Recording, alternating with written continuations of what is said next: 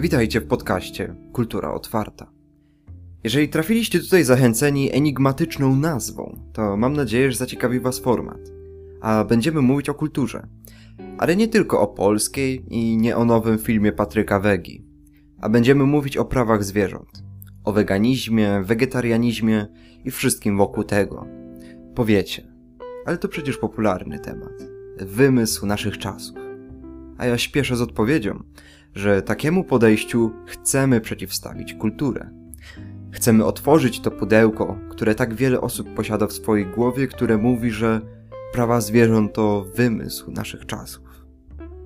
Kultura ludzka, w tym kultura europejska, podejmowała te tematy od wieków.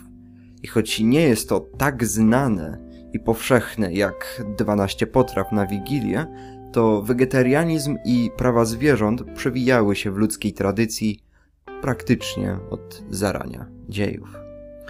Żeby pokazać to, sięgniemy po pisarzy, filozofów, muzyków, naukowców, a nawet po teologów i kaznodziei.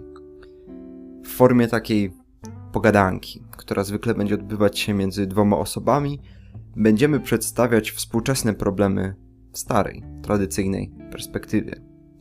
Jeżeli brzmi to dla Ciebie interesująco, to zachęcam do śledzenia podcastu na Spotify, bo już w najbliższym czasie pokażemy, dlaczego Platon nie lubił się za bardzo z myśliwymi.